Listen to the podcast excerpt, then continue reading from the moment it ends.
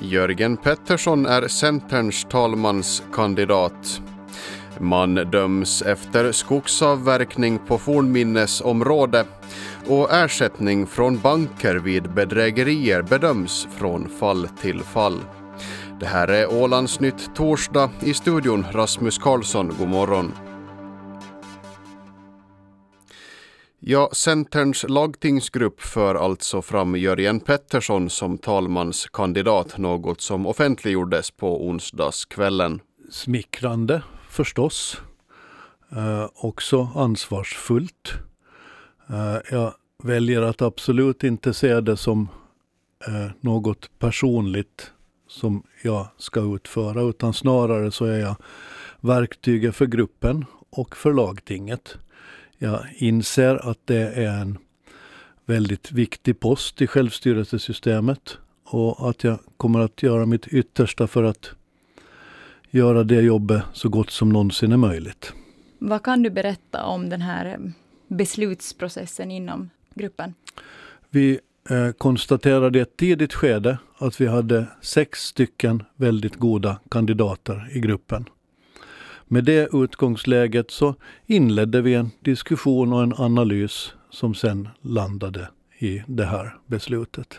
Centerns lagtingsgrupps förslag om att föra fram Jörgen Pettersson som talmanskandidat har förankrats med både de andra regeringspartierna och med Centerns partistyrelse.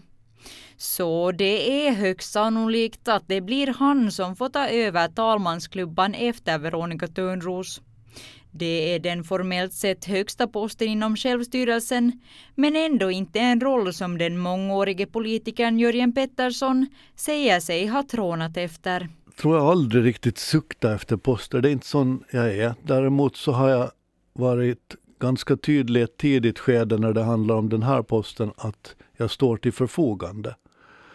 Och genom att göra det så ska man jag, jag, tror inte riktigt på att alltid sätta eh, prestige i frågor. Utan snarare så blir det nog ett bättre arbete om laget på något sätt tillsammans bestämmer sig för att så här skulle vi vilja göra det. Därför känner jag väldigt stor tillförsikt i samarbetet med den egna lagtingsgruppen och med alla, med de regeringspartier och med alla grupper som finns i lagtinget, att vi ska göra det här stort. Det handlar ändå om att vi ska stärka vår självstyrelse och göra Åland mer betydelsefullt, att vi ska försöka sprida självstyrelsen bland alla som bor på Åland. Säger alltså Centerns Jörgen Pettersson. Reporter här det var Felicia Bredenberg. Rederiaktiebolaget Eckerö förbättrade sitt resultat med 24 miljoner euro under 2023 jämfört med 2022. Det meddelade koncernen igår onsdag. Det blev ett plus på 11,5 miljoner euro förra året. 2022 års resultat det visade minus 12,7 miljoner. VD Björn Blomqvist säger att det här var första året efter pandemin som var helt utan begränsningar. Nu har vi då haft väldigt bra volymtillväxt på, på passagerarsidan som säkert kommer från att det finns ett uppdämt behov och, och, och det fick nu då en möjlighet att, att förverkligas, det här uppdämda behovet.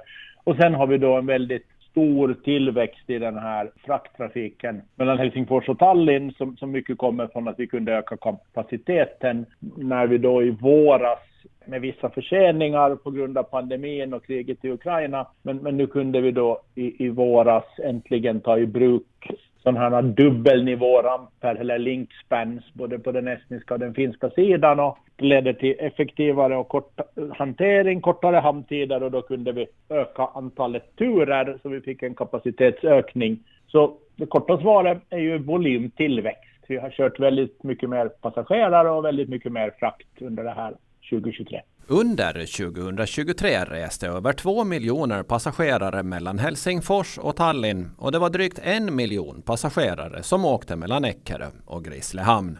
Under 2022 fanns det fortfarande vissa begränsningar till följd av pandemin vilket påverkade resultatet. Men när 2023 började fanns förhoppningar om att siffrorna skulle bli mycket bättre. Eh, det är relativt långt enligt plan. Vi visste att ett sådant här resultat var möjligt, men Det är ju först när det har förverkligats som man kan vara säker på att, att, att, att, det, att det har hänt så att säga. Så visst, det är jätteglädjande och, och, och det har gått... Volymerna har varit lite större än vad vi vågade hoppas, men istället har vi också haft en del motgångar på sådana här ska säga, makroekonomiska faktorer. Vi har haft rätt dyrt bränsle och vi har haft en ganska svag kronkurs. Men, men, men totalt sett har vi ju lyckats nu och det är vi jätteglada över. Och det säger Björn Blomqvist som är VD för Rederi AB Ecker. Reporter Ove Sjöblom. En företagare i skogsbranschen döms till fyra månaders villkorligt fängelse och att ersätta landskapsregeringen med 6 675 euro för att ha skadat en boplats från bronsåldern. Händelsen inträffade i Sund under januari och februari 2020 då den åtalade på uppdrag av en markägare uppgjort en avverkningsplan för fallen skog efter stormen Alfrida. Mannen anlitade ett annat företag för jobbet utan att ha sökt tillstånd från Ålands landskapsregering trots att han informerats av markägaren om att det fanns, att det fanns fornminnen på området. Avverkningen ledde bland annat till djupa körspår från skogsmaskinerna där man bland annat upptäckte bitar av keramik. Mannen döms för grov skadegörelse och ska utöver ersättningen på 6 675 euro för kostnaderna som hänför sig till skadebesiktningen och den arkeologiska räddningsundersökningen också ersätta rättegångskostnader på 395 euro och erlägga en brottsofferavgift på 80 euro. Många anser att bankerna borde göra betydligt mer för att förebygga bedrägerier och i större utsträckning ersätta de kunder som blir drabbade.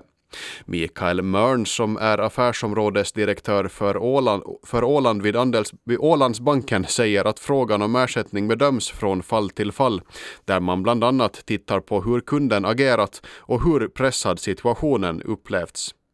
Hur stor del av kunderna som får, fått ersättning efter att blivit lurade på pengar är inget bankerna vill gå ut med. Juho-Pekka Savolainen som är enhetschef för Nordea på Åland betonar vikten av att förebygga bedrägerier. Vi jobbar ju väldigt mycket med att informera kunder hela tiden aktivt och det är ju prio ett det att vi får, kan få stopp så mycket som möjligt. Vad har ni för regler när det handlar om att ersätta folk som drabbas av till exempel ett kortbedrägeri eller att man blir uppringd och luras att betala pengar. Vi har en sån här betalningstjänstlag som vi följer och eh, varje enskilt fall så tittar vi igenom sen att om det finns en orsak till ersättning så naturligtvis går vi emellan där då. Många anser att bankerna borde göra betydligt mer för att förebygga bedrägerier. Stefan Jakobsson som är bankdirektör på Andesbanken för Åland har en viss förståelse för den kritiken. Det är inte så att vi eller någon annan bank eh, är nöjda med den situation vi befinner oss i och, och skulle bara vänta in utvecklingen utan det görs ju mycket försök för att förbättra de övervakningssystem som vi har. Och det här arbetet så det gäller ju både de automatiska systemen men det gäller också vår, vår personal, vad vi gör manuellt förstås då för att förhindra, förhindra de här missbruken. Mikael Mön som är affärsområdesdirektör för Åland vid Ålandsbanken säger att olika former av bedrägerier är ett stort problem och att man lägger ner mycket resurser på det förebyggande arbetet. Rent konkret så tycker jag att information är ett väldigt effektivt eh, sätt att minska bedrägerierna. Även om man vill se bankernas system som en svag punkt så är den svaga punkten är vi människor och att vi låter oss luras in i bedrägerier. Så jag tycker det är viktigt att man funderar över, ska jag vara en digital eh, kund i en bank med eh, de möjligheter till att bli bedragen som nu bevisligen finns då? Säger Mikael Mörn som är affärsområdesdirektör för Åland vid Ålandsbanken. Reporter Thomas Tornefjell. Den 19 april har Stormskärsmaja premiär på biografer i Sverige. Det meddelar produktionsbolaget Solar Films i ett pressmeddelande. I Sverige visas filmen åtminstone på Filmstadens biografer. Dessutom visas den på lokala biografer som till exempel Folkets bio.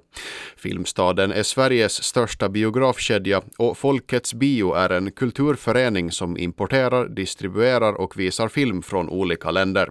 Föreningen verkar på 17 orter. Fram till igår tisdag den 27 februari hade nästan 335 000 personer sett filmen i Finland. I planerna finns att Stormskärsmaja får premiär också i Norge under slutet av 2024. Och så över till vädret. Den här torsdagen den blir mestadels mulen men både under morgonen nu och sen också lite under eftermiddagen så kan det förekomma solglimtar. Temperaturen är idag omkring 3 plusgrader och vinden är sydvästlig cirka 5 meter per sekund. Men under dagen sen så då vrider vinden till syd och tilltar en aning. Sjövädret sydlig till sydvästlig vind 6 till 10 meter per sekund. På dagen tilltar vinden. På eftermiddagen sydlig vind 10 till 14 meter per sekund. Senare i natt sen så då avtar vinden så småningom. Lokalt så förekommer det dis eller duggregn och från eftermiddagen sen mest god sikt på sjön. Och så till morgonens väderobservationer klockan kvart över sju. Ute sydvästlig vind 8 meter per sekund, temperatur 2 grader. Kumlinge sydlig vind 4 meter per sekund, 2 grader. Nyhamn sydvästlig vind 9 meter per sekund, temperatur 2 grader. Märket sydlig vind 7 meter per sekund, 2 grader. Och i Mariehamn är det just nu också 2 grader varmt ute. Vattenståndet vid mätstationen i Föglö det var klockan kvart över sju, fem centimeter över medelvattenståndet. Och det var Ålandsnytt med mig, Rasmus Karlsson.